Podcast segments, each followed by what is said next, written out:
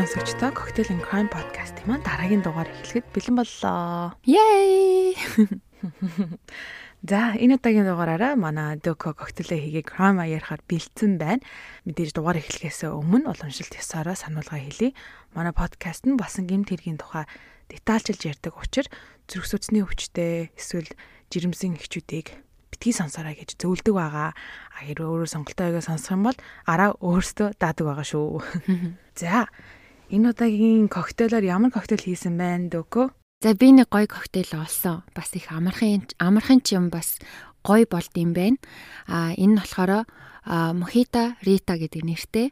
Тэг уусаа нэрнээсээ андшгүй байгаа ах тий. Маргарита, Мохита хоёрын одоо холц гэх юм уу? Ийм текилата коктейл хийсэн байна.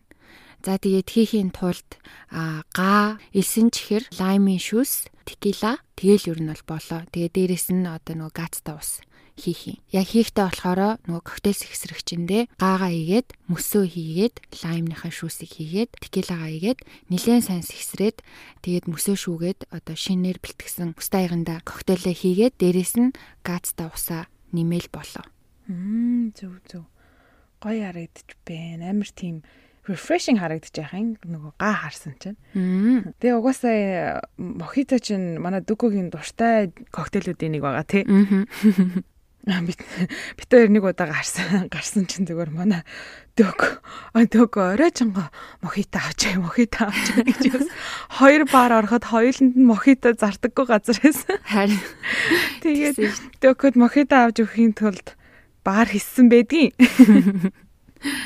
Оо тийм тэгээд юу яасан шүү дээ. Сая манай ажлынхаа нөгөө нэг монито зөхөөгод тэгээд манай намайг суулсан манай монито маань гэдэг шиг надад текила авч өгсөн. Тэгээд тэрийгэ ашиглая гэж бодоод гэртээ бас нөгөө юу га авч тавилаа. Нөгөө тарьдаг га. Тэгээ. Оо за за. Тэгэхээр одоо ойрын идэ өдөртөө бол мохитагаа мохитагаа байна уу? Мохита ритагаа байна уу?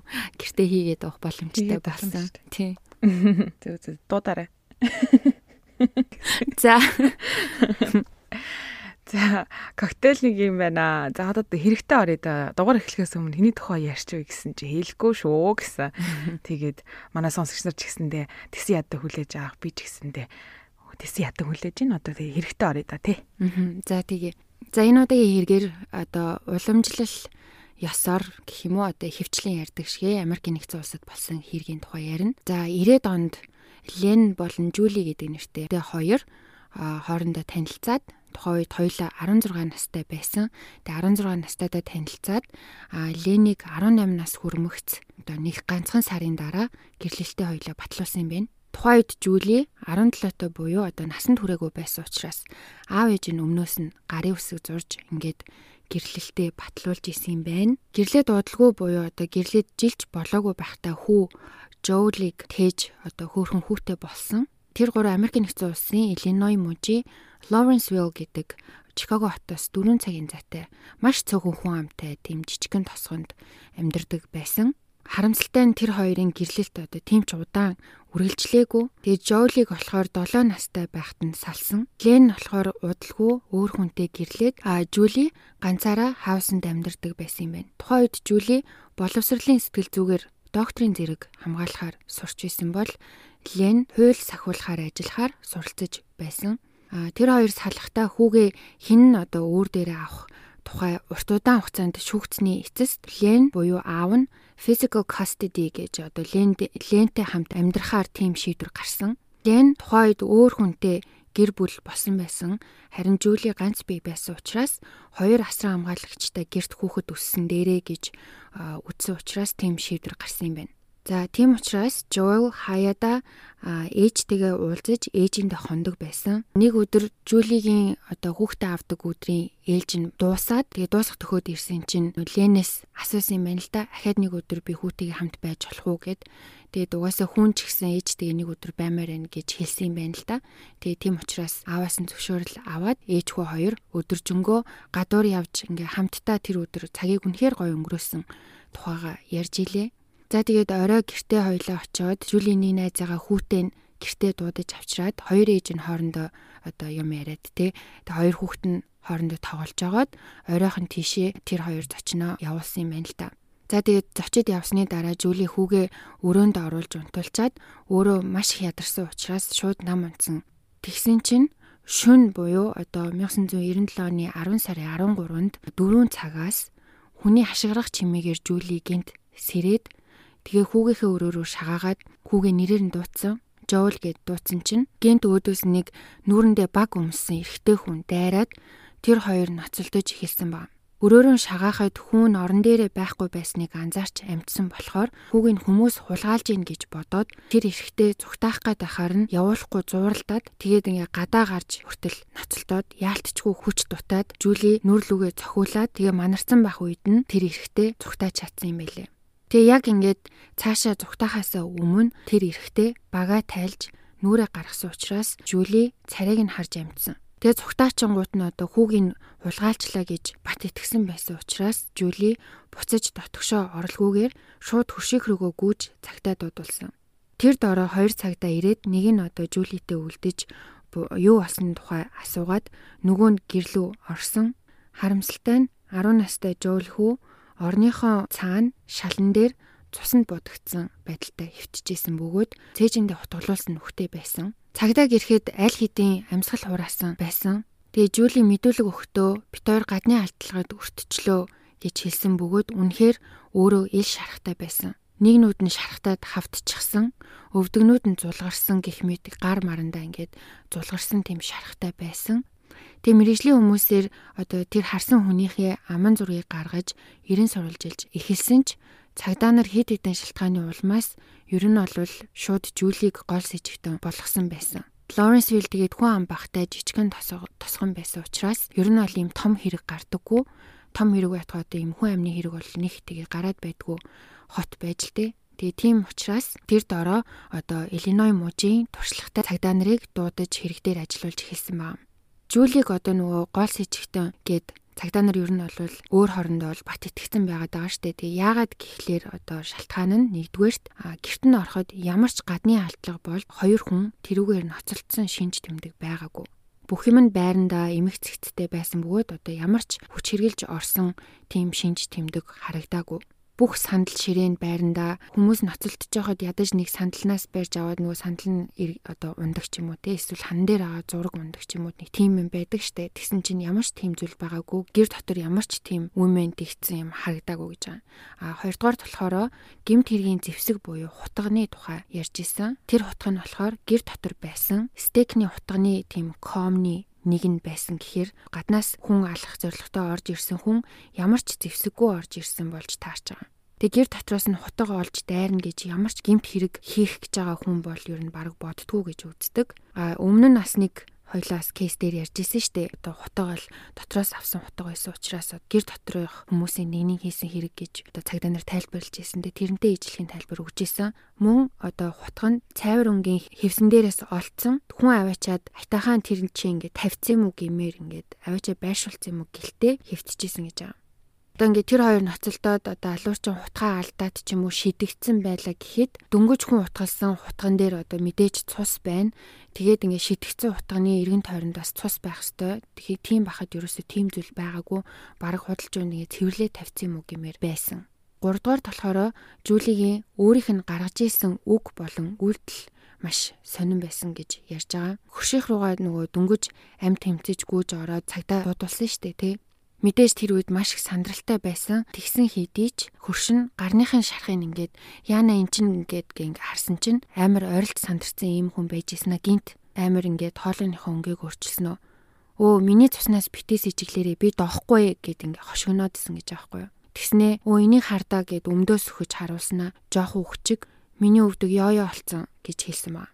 Дөрөвдүгээр болохоор Жулигийн мэдөөснөр болохоор унтжаагаад одоо хүүхдтэй хүрэх байтугай хүүхдээ хараачгүй гिचээд Жүүлгийн өмсөжсэн подолкных нь мөр болон нуруунд дээр нь цус болсон байсан нь одоо удахгүй жуулын цус болох нь ДНК-гийн шинжилгээгээр нотлогдсон.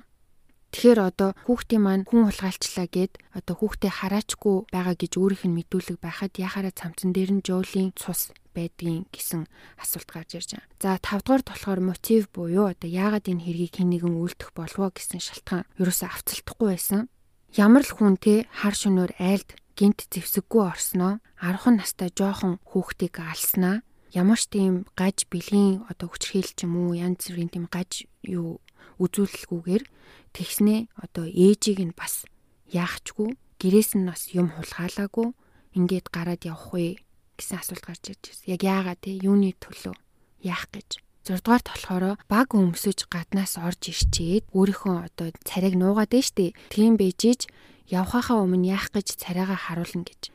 Яагаад явхаас өмнө царайгаа жүүлээд харуулсан юм. Энэ юусоо ингээд авцалтахгүй байсан. 7 дугаарт болохоор гадаа хаалганых нь хаалган дээрх шил байсан. Тухайн шил хагарсан байсан хэдий ч гаднаас одоо гэрлөө нэвтрэх гэж хүн хаалга зогсон болвол шил дотгошоо унана гэж цагдаа нар үзсэн. Тэгэхэд тэр одоо шилний хэлтэрхийнүүд ихэнх нь гадна талд байсан нь энэ дотроос цогсон шил байна гэсэн дүгнэлтэнд цагдаа нар хүрсэн байна. Тэгэхээр одоо Жулиг crime scene stage хийсэн буюу одоо хиймлэр бий болгосон а гэхдээ маш муу ажил хийсэн гэж үздэг хийжсэн. За тэгээ Жулигийн мэдүүлснээр аман зураг гаргаж ирсэн тэр хүнийг хайж үтсэн. Тэр нь одоо 175-аас 180 см-ийн өндөртэй туранхай ийм десант өмд өмсчихсэн цагаан эрстэн байсан гэж хэлсэн. Тэр үед хит хитэн одоо боломжит с ิจ гтний сураг гарч ирсний нэг нь болохоор хот орондын автобусны тасалбар зардаг эмэгтэй энэ хайгаад байгаа хүн чинь манахаас сая тасалбар аваад автобусанд цугаад өөр хот руу явчлаа гэж цагдаад мэдгдсэн. А нөгөөх нь болохоор хэдэн өсвөр насны хүүхдүүд нэг нийтэ паридчихсэн чинь хэдэн хувцсан жоохон цус болчихсон хар тамхинд мансуурчихсан хүүхдүүд парын дээр орж ирээд тэгээ эрэхтэй бид нар дөнгөж сая хүн алчглаа гэж хэлсэн ба. Тэгээ гих мэтчлэн ийм хит хитэн мэдээлэл ирсэн ч яг ингэ шалгаад үтсэн чинь них тэр нь хол яваагүй. Тэгээ буцаал ингээл жүүлэрүүл ирээдсэн гэсэн. Жүүлэл байх нь гарцаагүй гэв. За тэгээд ер нь бол жүүлийг энэ хооронд бол шалгаасаар исэн. Тэр хоорондоо жүүлигээс хоёр ч удаа полиграф буюу одоо нөгөө үний ярьж байгаа хэсгийг одоо шалгадаг төхөөрөмж байдаг штэ. Тэрийг зүйлгээж асуултууд асуухад хоёуланд нь ууг нь жүүли тэнцсэн ба үннээ хэлж байна гэж. Тэгээ Жулиг энэ хэрэгээр яллах гэхэд хангалттай нотлох баримт байгаагүй учраас хэдэн жил хэрэгтэнгүү энэ хэрэг ингээ онгорхой хിവэр үлдсэн. Тэр хооронд мэдээж Жули одоо бас хүн юм чи амьдрын шүү дээ. Тэ амьдрал нь ингээд үргэлжилж исэн. Тэгээд удалгүй Марк гэдэг нэртэй залуутай гэрлээд Индиана муж руу тэр хоёр нүүсэн байна. Тэгэж авж агаад хэрэг болсноос 3 жилийн дараа буюу 2000 оны 5 сард Жоулийн хэрэг дээр шинэ прокурор томилогдоод Жулиг ер нь бол буруутай гэж ингээд өөрөө 100% итгэсэн учраас дээч шүүх төгсөн. Тэгээ шүүх хүлээж аваад удалгүй шүүх хурал нь болсон баг. Яллагч талаас болохоор Жулигийн ярьсан түүх шал утгагүй. Нүрээ нуух гэж баг өмсөж одоо бараан хувцас өмсөж герт нь хулгаагаар орсон хүн яхаараа явахаас өмнө одоо царайгаа харуулдیں۔ гэсэн том поинт дээр акцент өгч ирсэн. А хоёрдугаар талаар одоо ягаад ямар ч зэвсэггүйгээр бас зүгээр л нэг жоохон хүүхдийг алах гэж ирэх юм бэ? Жули өөрөө экс нөхөр нь буюу одоо Лен хүүгээ өөр дээрээ өсгөх хэрэгтэй болсон учраас эксээ амар үзий яддаг болохоор одоо хүүгээ өгөхгүй тэр хүнтэй өсөж ирснээс бараг ингээд үгсэн дээр гэж бодож энэ хэргийг хийсэн гэсэн ийм мотив буюу хэрэг үлдэх шалтгаан гаргаж ирж тайлбарлсан. За тэгээд хурлын эцэст одоо иргэдийн төлөөлөгчд хоёр талын аргументыг сонсоод ердөө 5хан цаг хэлэлцээд шийдэл төрсөн. Энэ нь Жулиг буруутай гэж үтсэн. Ер нь бол хүн амны хэрэг ч юм уу иймэрхүү томоохон хэрэгүүд дээр хойлоо ч гэсэн урдны ярьж исэн те иргэдийн төлөөлөгчд уг нь нэлээд удаан хугацаагаар хуралццаадаг те хэдэн өдрөөр хэдэн 7 хоногор хуралддаг бол одоо Жулигийн хэрэг дээр 5 цаг хилцээд шийдвэрт хүрсэн байна. За тэгээд Жули 65 жилийн ял аваад шоронд ордог. Шоронд ороод удаагүй ахт нь ABC News гэж одоо телевизийн том сувг байдаг штэ. Тэрний 2020 гэж гимт хэргийн тухай бас нэг том нэвтрүүлэг байдаг маш алдартай. Тэр нэвтрүүлгийн зүгээс Жулиг ярилцлаганд урьж одоо түүний хэргийн тухай нэг дугаар бэлтгэж гаргасан. Тэр нэвтрэг ерөнхийдөө бол энэ хэргийг бүр ингээд оронгоор нь эргүүлчихсэн юм байна лээ. Яасан бэ гэхээр нэгдүгээрт шүүх хурлын үед Жулигийн өмгөөлөгч нь өөрийг нь тестифай хийхийг хориглосон. Өөрөө энэ дэр дээр гарч тий өөрөө ингээд дуу хоолоогоороо юу асан тухайга ярихыг нь хориглосон. Яагаад тэгэхээр нөгөө тал маш хүчтэй байсан учраас Жулигийн одоо хэлсэн ганц алдаад хэлсэн ч юм уу үгийг нь буруугаар мушигчна гэж үздсэн учраас Жули ерөөсөө шүүх хурлын үед нэг ч үг хэлээгүй байсан. За тэгээд энэ нэвтрүүлгээр анх удаа хүмүүс Жулигийн дуу хоолойг сонсож Жулигийн амар яг юу болсныг сонссон. Хоёрдугаар талаараа 2002 оны 5 сард Diane Fanning гэж болсон явдал болон гимт хэргийн тухай бичдэг хүн гэртээ тухайн нэвтрүүлгийг үзээ сууж исэн. Тэгээд тухайн үед болохоор Даян анхныхаа цуврал алуурчны тухай номыг цуврал алуурчин болох Tommy Lynn Sells гэдэг хүний тухай бичиж исэн юм байна. Тэр үед болохоор Tommy Lynn Sells 10 болон 13 настай охтын нэгнийх нь амиг хороогоод нөгөөгийнх нь алах гэж завдсан хэрэгээр шоронд цаазаар авах ялтай сууж исэн. Аа тэгээ Даян хэлэхдээ болохоор тэр амьд үлдсэн охины түүхийг анх удаа сонсоод тэр охин одоо миний хувьд миний баатар болсон. Тийм учраас би энэ тухай бичгээр шийдсэн гэдэг тэр нөгөө номоо яагаад бичгээр шийдсэн тухайгаа ярьж илээ. Тэгээ яагаад гэсэн чинь Томи тэр амьд гарсан охины хоолойг нь хэрччээд нөгөөх нь алчаад зүгтаасан. Тэгээ хоолойгоо хэрчүүлсэн охин одоо үгсэн юм шиг жүжиглж агаад Томиг явсны дараа осож гүгээд тусламж олж чадсан тийм мундаг охин байсан юм байна л да. Тийм учраас одоо тэр охины түүхийг хүмүүст хүргэх гээд Томигийн тухай бичээд эхэлсэн юм байлээ. Тэгээд одоо Томигийн тухай бас ингээд ном бичиж байгаа учраас мэдээж Томитой холбоотой байдаг гэсэн. Шоронд байхад нь одоо хэд хэд удаа очиж ярилцлага авч ийснээс гадна одоо загтлаар ерөнхийдөө бол харилцдаг юм асуудаг байсан юм байна л да. За тэгээд Даян Томи руу загтал бичсэн байгаа. Тэр нэвтрүүлгээс болж юу гэж бичсэн бэ гэсэн чинь би нэг телевизийн нэвтрүүлэг үзчихсэн чинь нэг хүүхэн би хүүгээ алаагүй гадны хүн алсан гэдэг ах юм аа. Тэг хамгийн гол нь яллагч талаас одоо гадны хүн ямар ч зориггүйгээр ороод гин буруугүй нэг хүүхэд алчаад тэгээд гарна гэдэг чи ямар ч утгагүй. Тим зүйл байхгүй гэд байх юм аа. Чиний хийжсэн хэрэгүүд чи ерөөхдөө тийм штэ. Тэг чи бол тийм хэрэг хийдэг байсан штэ. Тэг надад энэ эмэгтэй болохоор үннээ яриад байгаа юм шиг санагдаад ах юм аа Тэгээ чамтай адил төстэй хүн энэ хэргийг хийсэн байх боломжтой санагдаад байна гэсэн тийм утгатай захиа бичсэн баг. А гэхдээ тухайн захиан дээр хэрэг болсон он сар өдөр эсвэл ямар нэгэн хүний нэр эсвэл ямар нэгэн газрын нэр хотын нэр тэг ер нь бол ямар ч тийм деталь өгөөгүй тийм бахад Томи хариу захиан дээрээ нөгөө гэрлүүн гадны хүн орж ирсэн гэдээсэн хүүхэн мөн үү Мизори мужийн Спрингфилдэд миний алга үлдэж исэн өдрөөс 2 хоногийн өмнө болсон гэж гинүү 13-нд илүүдээ гэд бараг би алсан штэ гэсэн утгатай хэрнээ ягч бииштэй гээгүй тиймэрхүү утгатай захиа бичсэн. Тэгээ тухайн үед Даян номоо бичээд бараг дуусчихсан юм байна л. Тэгсэн чинь энэ хэрэг ингээ гараад ирсэн. Тэгэнгүүт нь энэ хэргийг нэмж оруулаад номоо хэвлэлтэнд өгсөн байна.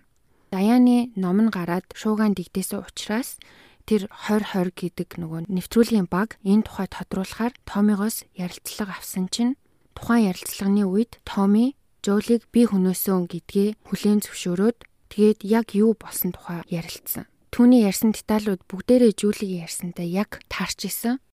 Тэгээд яллагч талын одоо ямар хүн яагаад айлд зевсэггүй орж жоохон хүүхэд ална гэж гисэн одоо нэг том point агаад байгаа штэ. Тэрний хариулт нь ингээ гараад ирж байгаа хгүй юу? Ямар хүн гэхээр мэдээж Томи цуврал алуурчин байсан нэг охины амь насны хэрэгээр ялалсан болохоос биш дор хаяж өшөө 22 хүний амийг хөнөөсөн болох нь тогтоогдчихсан байсан. Яагаад айлт хүн алах зорилготой орсон байж зэвсэггүй байсан бэ гэхээр өөрийн гараараа алах нь түүний арга барил байсан бөгөөд тэгж таашаал авдаг байсан ба. Тийм учраас ерөнхийдөө энэ 20 дан халдлага хийхдээ ер нь бол зэвсэггүй байдаг байсан. Харин шаардлагатай тохиолдолд одоо ойр хаваасаа олсон зүйлсээ ашигладаг байснаа хэлж илээ яагаад ямар ч гимгүү жоохон хүүхэд вэ гэхээр өмнө нь нэг ийм юм болж исэн юм байна. Нэг хүүхэн зам дээр ингээд гэр оронгүй тэгэд ингээд өлсөж ийна надад туслаач гэсэн пайз барьчихсан хүн зогсож байхаар нь зогсоод ярилцсан чинь намайг Томи Ленсес гэдгээ би хоёр жоох хүүхэдтэй тэгээ надаа ингээд мөнгө алгаа одоо ингээд миний хүүхдүүд өлсөж өглөө би бас маш их өсөж ийна гэд Тэгэхээр нь тэр хүнд итгээд өрөвдөөд тэр эмэгтэй гэртээ ороод жаалжуул идэх юм ингээ боогод өгөхгөө зогсож исэн юм л да. Тэгсэн чинь Томи араас нь шууд гэрлүүн дайрч орж ирээд гэрээс нь хутаг аваад тэр хүүхнийг сүрдүүлж эхэлсэн. Одоо тиг ингэтэй чи 0 доор хувцас тайл гэд ингээд хүчинтхэн ингээд тодорхой болоод команд өгж эхэлсэн гэж байгаа. Тэгсэн чинь тэр хүүхэн би угаасаа ингээд тэр хүнтэй өстой ингээд үзэлцгээр шийтсэн гэж аахгүй юу. Бууж өгөхгүй одоо хэлснийг хийхгүй. Тэгээд эсэргүүцээд тэр хоёр ноцолдож эхэлсэн. Яг яаж юм мэдэхгүй ямар ч хэсэн тэр хүүхэн Томигийн хутгийг хаяулаад Тэгээ өөрөө хутгийг авч чадсан. Тэгээ ер нь бол нүүр нүдгүү олцсон бүх газар руугаа ингээд бүлсэн гэж аахгүй юу. Томми болохоор тэгэж олон хутгалуулчаад явхаасаа өмнө тэр хүүхний толгойг нь маш том шаазан тийм чимэглэлээр амар хүчтэй цохиж хагалчаад зүгтаасан. Тэгээд тэр хүүхэн нэм ийцэн чинь эмнэлэгт цэрсэн гэж аа. Тэгээ хин чамааг ингэж вэ юу болсон юм бэ гэсэн чинь нөгөө нэрээ бүтнээр нь хэлсэн штэ. Тэгээ нэрийн санаад тэгээд ер нь бол Томи баривчлагдчихсэн юм байна л да. Тэгээ энэ хэргийнхээ дагуу 5 жил шоронд суугаад Жоулийн үхлээс өмнөхөн суллагдсан байсан юм байлээ. Тэгээд энэ явдлаас хойш том өгөөртөө амлсан гэж аахгүй. За би одоо дахиж хизээч одоо өөршгөө те том биеттэй ч юм уу одоо ийм насанд хүрсэн хүн рүү дайрахгүй гэд хүүхдүүдийг алж эхэлсэн тэр байж Жули шоронд ороод 2 жил болж исэн чинь Жулиийн хэргийг гүтгэгдсэн ялтнуудыг суллахаар ажилдаг хит хитэн том байгууллагууд байдаг. Innocence Project гэх мэттэй. Тэгээ тэр бүгд нийлээд Жулиг өмгөөлөхөөр маш сайн тийм баг бүрдүүлж өгөөд хоёр дахь удаага шүүхээр орох эрх аваад тэгээд Жули тэр хоёр дахь шүүх болтлоо барьцаа тавиад шоронгоос гарч ирсэн бэлээ. А эхнийхэн шүүхтэр болохоор Жули ямар ч мөнгөгүй тэглэж өөртөө их ихтгэлтэй байсан гэсэн өөрөө хийгээгүй учраас яасан ч намайг яллахгүй гэж ботчихсан болчихно гэж ботсон. Тийм учраас улсын үнгүй өмгөөлөгчтэй орчихсон нь жоохон буруутсан. Яагаад тэгэхээр одоо нөө яллагч тал бол амар хүчтэй айгу мундаг хүмүүс байж таарсан. Харин Жулигийн баг нь харьцуулахад бол нэлийн сул дорой ямар ч туршлагагүй хүмүүс байсан. Энэ удаа болохоор маш мундаг өмгөөлөгчдийн багтай ингээ хоёр дахь шүүхээр орсон. За хоёр дахь шүүхээр яллагч талаас гараад ирсэн поинтуудыг бүгд бүгдийг тайлбарлаж чадсан. За нэгдүгээр болохоор цагдаа нар ер нь бол ажлаа маш дутуу хийсэн гэдгийг баталсан. Яасан гэхээр хэргийн газар маш хайхрамжгүй хандсан. Тэгээ тэрийгэ бүр ингээд бахархалтайгаар зургийг аваад бичлэг хийгээд тавьчихсан байсан нь одоо тэднэрт бас энэ поинтыг тайлбарлахад айгүй том дөхөн болсон юм бэлээ. Жишээ нь одоо ингээд Жоулийн нүмерж исэн нефт тутгалуулсан байсан тэр даавууг нь хамаагүй ингээд хоёр цагтаа хүрээд хоёр талаас нь ингээд дэлгээд барьсан. Тэгж байгаа ингээд зураг авахулсан байгаа байхгүй юу? Одоо аминдаа болохоор тэр даавныхаа зургийг авах байгаа юм шиг байгаа. Тэгтээ бас тэгж барьж одоо дэлгэж тэр дээр нь даавн дээр байгаа үс тийм ямар нэгэн юмнуудыг тэгж унгааж болохгүй штэ. Гэх мэтчлэн айгүй хайхрамжгүй хандсан гэдгийг нотолж чадсан. А хоёрдугаар болохоор хаалганых нь хагархаа шил гэж ярьж исэн штэ. Тэрийг тайлбарлсан. Яасан гэхлээр дотроос нь цогцсон байна. Ягаад тэгэхээр ихэнх шилний хагархаа гадна талдаа унсан байна гэд яллагч тал тэгээдсэн штэ. Тэгсэн чинь энэ мэрэгчлэтнүүд хэлэхдээ болохоор одоо шилийг цохоход тодорхой хэмжээгээр хагарсан хэсэг нь унана. Гэхдээ бүх шил ингэж газар тэр дороо ундаггүй А тэгээд тэр хүн шилийг гаднаас нь цогчоод гараа оруулаад түгжээгээ тайлаад хаалгыг онгойлгох тэр процесст ихэнх үлдэгдэл ингээд дүүжлэгдээд байж байгаа харсан шилнүүд нь унж ирдэг гинэ. Тэгэхээр мэдээж ихэнх шилнүүд гадна байх нь тодорхой гэж тайлбарлаж байгаа. Тэгээ 3 дугаар талаар цусны толб. Жоулийн цогцсны эргэн тойронд нь одоо хан, шал, гутал гээд ер нь маш олон газар айгүй тийм жижиг хэмжээний цуснууд цацарсан байсан. Мэдээж энэ энэ нь одоо хутгалах үйл явцад болдог энгийн үзэгдэл харин Жули дээр ямар ч цус байгаагүй гэдг нь бас маш нэг том болон фактор юм байна л да.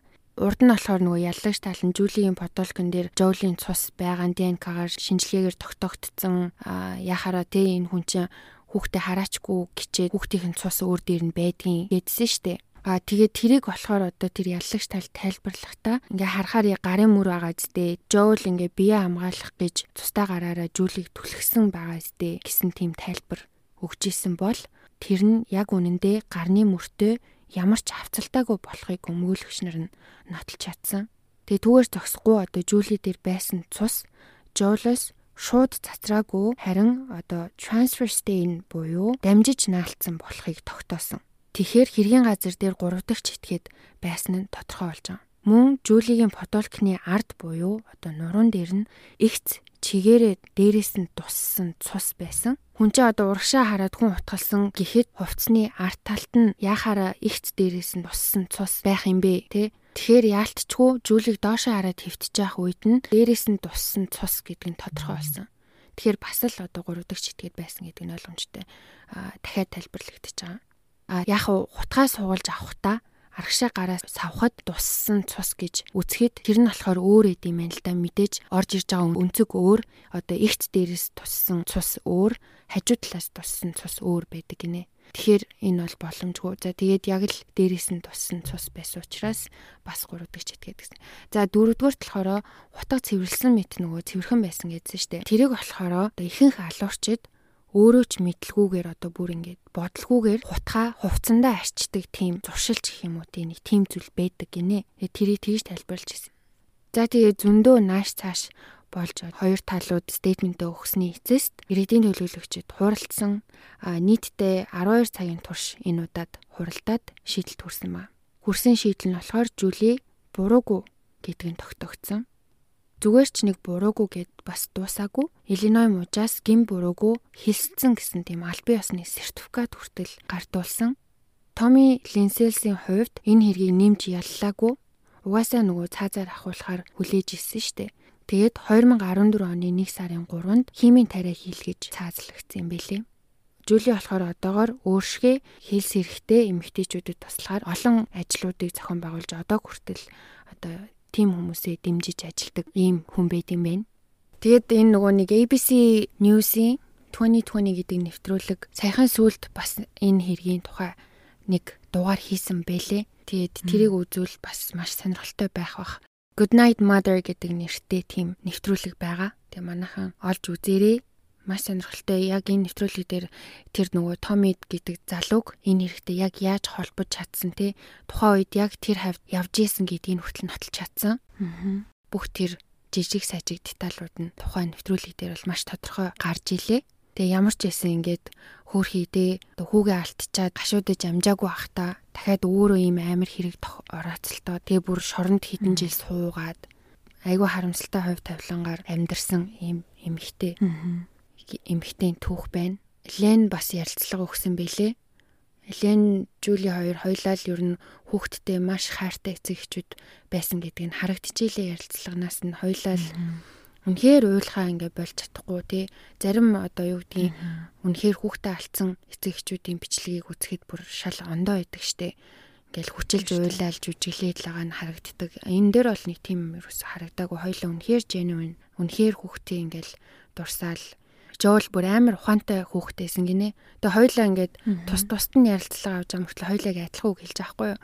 А одоо миний хүүхэд болохоор л би жоолыг ухаантай гээгүй үнэхээр ухаантай хүүхдтэйсэн гэ хоёул яг адилхан. Тэгэл хүүхдэд дурсаал тэр ээ Жули ч гэсэн тэр хүүхдтэй өнгөрүүлсэн хамгийн сүүлийн өдрөө дурсаал битээр нэр үнэхээр маш аз жаргалтай байсан. Тэгээ тэгээ би хүүхдтэй маш хайртай би хизээч хүүхдээ алах байтугай би өвтөхийг хүсэхгүй гэд нэг юм хөөрхөн амтан яг л нэг тийм ээж байгаа хгүй юу. Тэгээ үтчээ бас үнэхээр зүрх шимширж ийла. Тэгээд энэ Innocence Project гэж бас маш мундаг байгууллага байна те. Айгүй олон юм хэлсээр орсон хүмүүсийг цагаатгаж чадсан маш мундаг байгууллага байдаг. Тэгээд бахархчихлаа. Харин тийм сая ярьж ах чинь бодож илаа ямар мундаг байгууллага вэ? Бас олон хүмүүсийн одоо хэргийг сөхөж гаргаж ирээд яг жинхэнэ хэрэгтнийг нь олоод тий. Жилигийн үед бол үнэхээр харамсалтай юм аа хөрхийн ингээд хүүхдээ алдцсан. Тэгээ зовж яхад нь бас өөрийг нь бас буруутгаал тий. Амар их сэтгэлийн зовлонд байсан болоо. Гэхдээ эцсийн эцэст яг хэрэгтнийг одоо ер нь бол тогтоогоод өөрөө бол цагаатсан нь маш одоо happy байна. Аа одоо үнэхээр 10 настай хүүгийг бодохоор харамсалтай ч гэсэндээ эцэст нь ингээд ээж нь гараад ирсэн тас амар одоо юу хэмдэ нэг сэтгэл үеийг санагдчихлаа энэ нэрийг. Аа. Тэгээд нөгөө эхний шүүх хурал дээр Жулигийн баг өөрөө айгу муу байсан гэж хэлсэн штэ. Тэгээ тэрэн дээр бас нэг юм ярьж илээ Жули. Нөгөө иргэдийн төлөөлөгч бүгдээрээ санал нэгдэжээж нэг шийдэлт хүргэхтэй байдаг штэ. Тэгэнгүүт тэр дотор нь одоо Жулигийн талд байсан хүмүүс бас байсан байгаа хгүй юу? А гэхдээ нөгөө тал нь хүүгийн одоо цогцны зураг амар амар зургийг үзүүлээд тэр хүмүүсийн сэтгэл зүйд амараар нөлөөлж чадсан учраас одоо жүлигээс өөр яллах хүн тэр дотор байхгүй байсан. Тэгэхээр тэр хүмүүс хин нэгийг ингээ заавал шийтгэх ёстой гэсэн хариуцлагыг дор дороо хумсарлаад гэх юм уу та. Тэгэл ерөөсөө л одоо ганц байгаагаар нь бараг жүлиг ингээл худалч хүнд сохроор бараг тогтсон юм шиг байна. Тэгээд тэр дунд байсан жүлийн талд байсан зүрх сэтгэл нь жүлийн талд байсан хүмүүс хурлын дараа мараа загтал битсэн гэсэн намайг уучлаарай би ингээ шүн үнэхээр унтаж чадахгүй байна те би чиний хэлсэн дуг нь бол итгэж байна миний хийсэн хэрэгт одоо намайг уучлаарай би чамайг ингээ ингээ гэж бодоогүй шүү гэсэн хэд хэд хүмүүс загтлилгээсэн гэд тухай ярьж илээ. Тэгэхээр бас энэ өмгөөллийн баг маг гэж бас чухал юм байна да гэж бодс бодчихлаа. Харин тийм. Одоо ингээд сүүлд одоо цагаатгт нь тусалсан энэ байгууллага бас тэдний одоо одоо бүрдүүлж чадсан баг бүрэлдэхүүн шинжээч нар ямар амар юм нухацтай ажиллаж бүх юмыг ингээд шинтсэн юм бэ би яг ингээд чамайг тайлбарлаад нэгдэх хоёрт гуравт гэж ярьж байгаа ч мөр вау гэж бодоод суужила. Тэгээ тэр хүмүүсийн мэрэгжил бас ямар амар чухал юм бэ? Ямар мундаг гоё юм бэ гэд бодоод суужила. Тэгээд одоо энэ нөгөө цусны мэрэгчлэтнүүд бас үнэхээр мундаг санагдсан цус одоо яаж цацруул ямар цацраг үүсэх үү яаж хаанаас цацруул ямар тусах уу гэд бүр ингээд нарийн шинжлэх ухаан байгаа байхгүй юу? Тийм энэ талаар бас дүрстэйгээр үзүүлж илээ нэг senior analyst тийм юунд аяган дотор юм гахаан цус хийгээд дээрэс нь яг тэр жоулийн нүмержсэн даав болон хүнжлийг тавиад тийм адилхан материалтай хүнжил даавыг тавиад тэгээ хутгалаад гаргаад ирэхэд одоо яллагч талаас болохоор ингээ гаргаж ирэхэд хутган дээрх цус ингээ бүхлээрээ арчигдчихнаа тийм учраас хутга цусгүй байгаа гэж бас нэг тийм point яваад байгаа хгүй тэгсэн чинь үгүй энэ бол буруу. Би танарт үзүүлэе гэж үзүүлсэн чинь гаргаад ирсэн чинь хутган тэр чигээрээ нүл цус гарч ирж байгаа хгүй тэр хүнчлэндөө арчигдаагүй гих мэтчлэн одоо ингээд бүгдийн шинжлэх ухааны үндслэлтэйгээр тайлбарлаад зүйлийг гаргаж авч чадсан байлээ. Аа. Үнэхээр interesting бүр амар сонирхолтой кейс шүү энэ. Бас нөгөө одоо юм гимт хэрэг болон болсон явдлын тухай бичдэг, ярддаг хүмүүс бас их чухал юм байна гэдгийг нөгөө Даянаас бас ойлгосон. Даян хэрвээ Томи руу тэ цагтл бичээд асуугаагүй бол одоо хүртэл Жули шоронд байж байгаа байхгүй юу? Аа Тэгэхээр тэр хүн тэрийг анзаараад те өө чи чи чи яг ийм хэрэг хийдэг байсан шүү дээ. Яагаад энэ хүмүүс ийм хүн байх боломжгүй гэд ингээд ийм tunnel vision ганцхан ийм замаар хараад ганцхан хүнийг буруутгаад байгаа юм бэ? Яагаад өөр одоо боломжит хувилбаруудыг ухаж түнхэхгүй байгаа юм бэ гэд тэ тэр хүн ч гэсэн тэрэн дээр үйлдэл хийсэн нь бас маш бахархмаар санагдчихсан. Аа. Харин энэ Diane Fanning гэдэг нэмэгтэй зохиолч гэсэн үү? Writer ер нь бол а одоо монголоор л зохиолч юм да тий. Иймэрхүү босон явдлын тухай ном бичдэг. Угаасаа юм болсон явдлын тухай тэгээ гимт хэргийн тухай бичдэг одоо зохиолч ном хэмлэл гаргадаг хүмүүс бол бас яг бид нар шиг ийм болсон гимт хэргийг бүр сонирхдаг. Бүр ингээд а өөрөө бас ингээ мөрдөг юм шиг ингээ дагаад явдаг хүмүүс байдаг бах. Бас нэрээ тийшүү те. Даяанаас үнэхээр энэ хэргийг шийдэхэд бас нилээн том хувнивэр оруулсан харагдаж байна. Аа. Бас энэ телевизийн нэвтрүүлгүүд ч гэсэн хид ими ингээд бас явдал гаргаад хүн амтай айлгаад байгаа биш те энэ чинь цаанаа бас ингээд хэргийг зүгээр шийдэхэд бас тусалдаг байгаа хгүй юу. Тийм шүү дээ. Одоо тэгэл бит хоёр ингээд болсон гэмт хэргийн тухай ярьж байгаа чинь яг аа мэдээж манай сонсогч нарын хэрэг нь Монголд байгаа. Тэгээд гадаадууд болж байгаа хэргийг ингээд амар тайлбарлахгүй ч гэсэндээ бид нар урд битэр урд урдын дугаар дээрээс ярьж исэн те учир нь олдоогүй те хэрэгтэн нь олдоогүй хаагдаг байгаа хэрэгүүдийг ингээд ярьж явах ёстой амьд байлгаж явах ёстой тий хизээ нэгэн цаг хэдэн жилийн дараа ч хамаагүй 20 30 40 жилийн дараа ч гэсэн хамаагүй одоо тэр хэргийг тавьж явуулахгүй ингээ сэргийг байгаад байлгаад ах юм бол бас яг учир жанцыг нь олоод хэрэгтнийг нь олох боломжтой гэд бас одоо тэр Golden State Killer Miller тий тиймэрхүү хэрэгүүдээр бас гарч исэн урднаас битэр дугаар дээр хэлж исэн шиг ер нь бол ярьж байгаа хэрэгтэй учир нь алдаагүй хэргийг бид нэр амьд байлгах одоо одоо иргэний үүрэг гэх юм да бас нэг ясандаа одоо бидний оруулах хувь нэмэр Вау, үнэхээр сонирхолтой хэрэг байлаад өгөө. Би бүр ерөөсөө надад жан сонсож байгаагүй хэрэг байна. Манай сонсогч нар ч гэсэндээ бас их таалагдсан таалагдсан чи байх те. Сонирхолтой санагдсан байх гэж би бас бодож байна. Аа, энэ нөгөө Tommy Lynn гэлөө те нөгөө одоо манай алуурчин. Тий. Сая ингэж яагаад яагаад дандаа жоохон хүмүүс хөнөөдөг байсан бэ гэхээр одоо тэр нөгөө хамгийн анх нэг эмэгтэй рүү дараа ноцтолтоор юм болсон гэд гисэн штэ. Аа Тэгээ тэрнээсээ хойш зүгээр одоо өөршгөө тийм том биетэй хүнтэй асуудалд орохгүй гэдэг шалтгаанаас болоод ер нь бол жоохон хүүхдүүд хүнөөдөг болсон гэж ойлгоод ойлгох нь зөв. Тий, тэгсэн. Эмэгтэй хүн байсан ч гэсэн эмэгтэй хүнээс маш хүч гарч би бол ер нь өөрөө эрсдэлд орох юм байна гэдгийг мэдсэн байхгүй. Тийм учраас ямар ч одоо өөртөө тусалж чадахгүй хөөрхий те жоохон хүүхдүүд рүү дайрч эхэлсэн гэдгийг өөрөө бүр хүлийн зөвшөөрсөн. Аа мэдрэл энэ Томи Лен гэд хүн одоо шүүх хурлаар ороход ямар нэгэн сэтгцийн өвчтэй мөвчтэй гэсэн тийм гарсан уу юу? Энэ хүний түүх ер нь юу вэ? Тий, Томи Лин бол ямар ч хэлсэн сэтгцийн хувьд эрүүл хүн бол биш юм бэлээ. А гэхдээ би яг Томи Лин дээр судалгаа хийгээгүй яг яг энэ хэргийг л барьж авсан учраас Томи Линий тухай нэг сайн уншаагүй. А гэхдээ ямар ч хэлсэн mental illness гэсэн history бол байсан. Аа. Зөв зөв.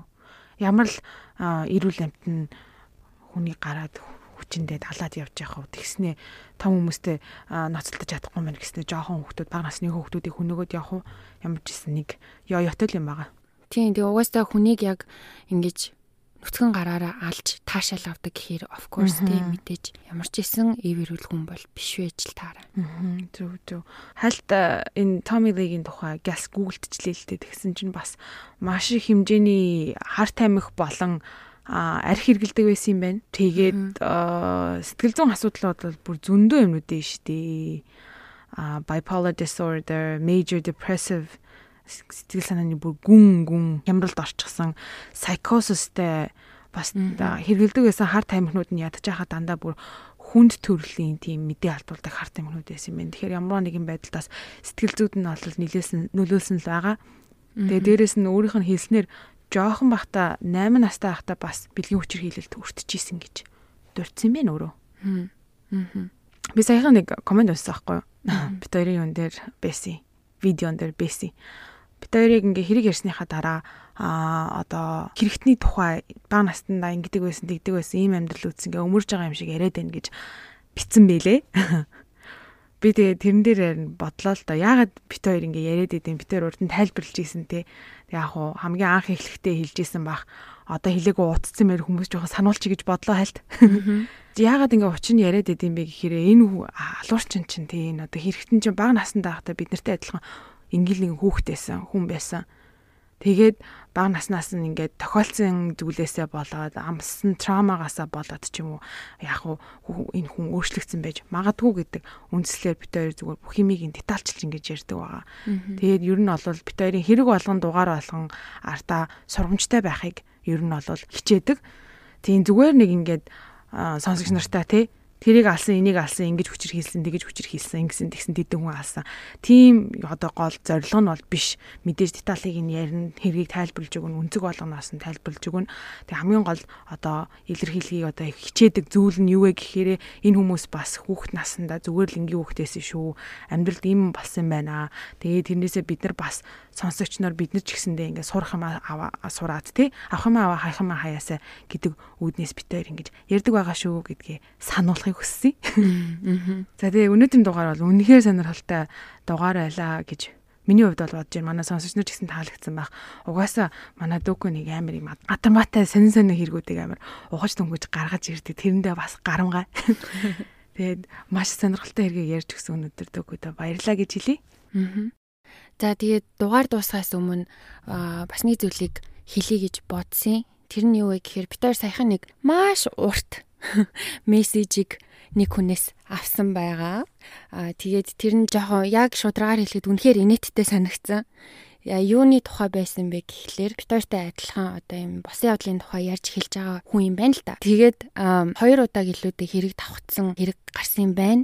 Одоо тэр хүний ярьсан эргийг хоёр ярьсан юм уу та? Аа та хоёр одоо тэг энэ салбартаа монополчлох гээд байгаа мó. Ягаад ингээд хүний хүч хөдөлмөрөөрөө хийсэн ямыг хуулаад ингээд яриад байгаа юм бэ? Яг цацсан өдрийн маргааш нь гэж хэлж илээ. Тэгээд одоо өөрөө ийм юм хийж хэлж байгаа хүний хувьд өөрөө бол мэдэх байх. Одоо судалгаан дээр бол хэр удаан суудаг хэрэг цаг ордог. А тэгээд хоолой бичлэгний дараа хэр удаан эдит хийж суудаг. Тэгээ цацах хүртэл одоо хэр удаан хугацаа ордгийг мэдж байгаа байх. А тийм байхад хэдхэн цагийн дотор те өөрийн чи ярьсан юмыг сонсоод хуулаад тэгээ ингээ эргүүлээ яриад тэгээд тэр дороо цацна гэдэг нэгдүгээрт боломжгүй. А хоёрдугаарт Викторийг энэ одоо юм босын явдал ярьж хэлснээс хойш маш олон сувгууд гарч ирсэн байлээ. А зарим нь бол бит хоёр мэднэ. Ихэнх нь бол үнэндээ яг үнэндээ бит хоёр л мэдэхгүй. Тэгэд э, монголчуудын ярьж байгаа босын явдлын тухай бол яг үнэндээ сонсдгоо англи хэл дээр аль болох одоо энэ гемт хэрэгтнийх нь өөрсдийнх нь ярьж байгаа яриаг эсвэл хохирогчдын өөрсдийнх нь ярьж байгаа яриаг бид хоёр сонсож тэгэж одоо хэрэгээ сонгож авдаг. Тийм учраас адил төстэй юм хийж байгаа хүмүүсээс хуулж хизээч үзээгүй хизээч хуулахчгүй бид хоёрт тийм шаардлага байхгүй. Тэгэхээр тэрэн дээр бити санаа зовоорой. Монополчлох гээд байгаа юм бол байхгүй. Яагаад тэгэхээр YouTube бол хүн болгонд нээлттэй зүйл. Тийм учраас бит хоёр тэрийг одоо хязгаарлах чадвартай хүмүүс бол биш. Хязгаарлахыг ч угаасаа хүсэхгүй байна. Энэ одоо болсон явдлын тухай юу н ярих цаг болсон. Сэтгэл зүйн талаар бас ярих цаг болсон. Тийм учраас ер нь олон сувгууд гарч ирж байгаа нь одоо сайшаалтай санагдаж байна. А гэхдээ зүгээр л одоо түрүүнд улмаа хэлсэн шиг те ийм хүн алуулаад ингэж алуулаад тэгэл ингээл болцсон гихийнхээ оронд те яагаад ингэж үү ард нь ямар ямар ямар хүчин зүйлс нөлөөлөв гэдгийг бас а ярьцгааж байгаа байх гэж бас найдаж байна. Тэгээ тийм болохоор одоо цаашид нэг иймэрхүү сонин тэг инээдтэй зүйлсээр бит хоёрыг одоо битгий accuse хийн үү гэж хүсье. Битгий гүтгэрээ. Тий, битгий гүтгэрээ. Уучлаарай би бит хоёр үнэхээр монголчуудын ярьж байгаа юг сонсдгоо байгаа шүү гэж Тэгээ одоо үнэхээр тоогоо алдсан бэлээ. Ямар ямар сууг байдаг. Үнэхээр мэдхгүй юм. Тэгээд энэ болгоныг бас бас нөгөө нэг сонсогчд маань ч гэсэн хаяа хэрэг давхцлаа гэсэн гомдол ирүүлдэг.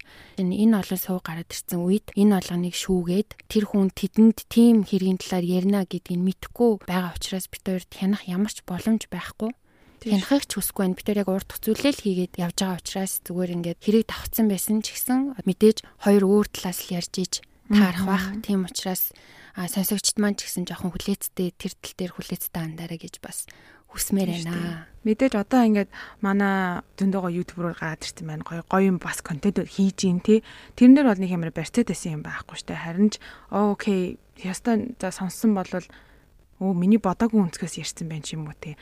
Заавал нэг хооронд нь ингээд хүмүүс ингээд одоо юу хэмдэ өрсөлдүүлэх гээд авах нэг ямар шаардлага байхгүй. Битэрийн ярьжсэн хэргийг ч гэсэндээ өөр хүмүүс ярьсан байлээ. Тэрэн дээр гомдолтгүй юу ч хэлдэггүй. Гэтэ бас нэг юм тэр нь одоо сая дүүкөгийн хэлсэн зүйлэн дээр нэмээд хэлэхэд бит хоёрын хийж байгаа одоо энэ контент энэ подкаст энэ бол зоригтой гэдгийг манайхан бити мартаарай. Бит хоёрын одоо ер нь бол зориг бол сэрэмжлүүлэх байсан энэ ч ийм юм болж шүү. Одоо нэгэн тал ингээд Монголын одоо culture тэ ингээл хүн хүн ам ер нь бол гадаадуудыг дагаал ингээл юмыг нь дагаал culture-ыг дагаал бүх юмыг нь дагаал ингээл явж байгаа бас сайн яажуугаар бол саар гарч ирэх нь ойлгомжтой. Тимээс ингэдэм биш үү, тэгдэм биш үү, хүнчээ хүмүүс ингээд алдчихсан байна. Бид нар энэ хүмүүсийн алдаанаас юу суралцаж суралцаад яаж хүүхдүүдээ хүмүүжүүлэх вэ? Бид нар яаж хайртай хүмүүстэйгээ, дотныхоо хүмүүстэйгээ харьцуул дээр вэ, тэ?